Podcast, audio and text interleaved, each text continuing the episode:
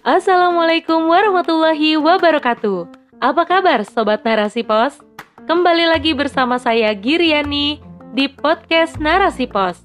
Narasipos.com Cerdas dalam literasi media, bijak menangkap peristiwa kunci. Rubrik Food.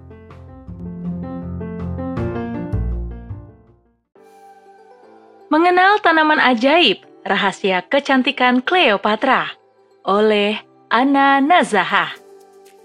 Kamu pasti sudah kenal tumbuhan yang dijuluki superfood yang begitu populer saat ini. Tumbuhan dengan nama latin Moringa olivera ini sempat dijadikan organisasi pangan dunia Food and Agriculture Organization atau FAO sebagai crop of the month di tahun 2018 lalu loh. Menurut penelitian, tumbuhan asli India ini memiliki sejuta manfaat baik untuk kesehatan, obat-obatan maupun kecantikan. Bahkan, di Afrika dijadikan sumber pangan untuk mencegah kelaparan, gizi buruk, dan stunting. Nah, kamu pasti bisa tebak kan ini tumbuhan apa? Benar sekali, tumbuhan ini adalah daun kelor. Di tanah air, tumbuhan kelor sangat mudah kita temui. Ditanam di pekarangan atau dijadikan pagar bagi kebun-kebun petani. Bahkan, ibu-ibu sering menjadikannya sebagai sayuran yang dihidangkan bersama lauk untuk disantap bersama keluarga.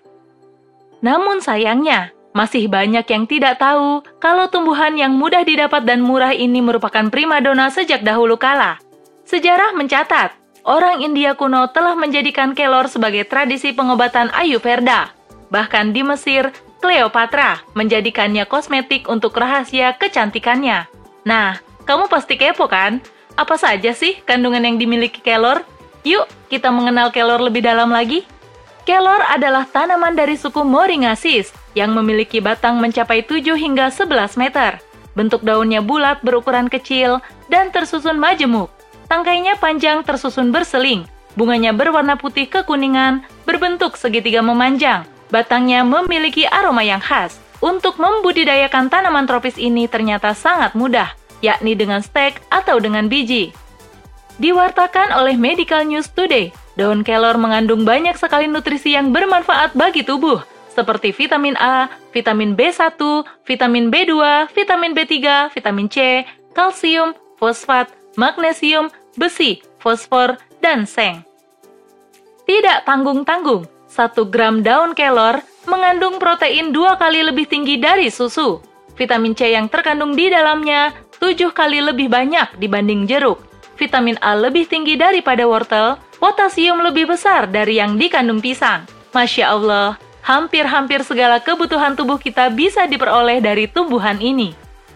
Hebatnya lagi, semua komponen kelor bisa dimanfaatkan untuk kesehatan, seperti akar, kulit, bunga, polong, bahkan biji. Karena mengandung fitokimia dan mineral, juga mengandung berbagai senyawa, yakni senyawa antioksidan, senyawa isotiosianet, senyawa antidepresan, anti-inflamasi, anti jamur, dan antivirus. Menurut para ilmuwan, senyawa-senyawa yang terkandung dalam daun kelor memiliki banyak manfaat di bidang kesehatan, seperti menangkal radikal bebas, mengatasi kanker, mengatasi disiplidemia, mencukupi zat besi, meredakan infeksi akibat bakteri, mencegah anemia, mengatasi kolesterol, mencukupi gizi, dan masih banyak lagi. Selain itu, Kandungan protein dan vitamin C yang dimiliki kelor juga mampu memberikan khasiat untuk kecantikan kulit. Vitamin C bisa melindungi sel-sel kulit dari kerusakan. Kandungan nutrisi yang kaya di dalamnya mampu merawat kecantikan dari luar dan dalam, yakni dengan dikonsumsi maupun sebagai masker. Masya Allah, begitu banyak keunggulan daun kelor ini. Tak salah jika tumbuhan ini dijuluki pohon ajaib dengan sejuta manfaat. Indonesia patut bersyukur dengan suhu tropisnya, sebab tumbuhan ajaib ini bisa tumbuh dengan baik.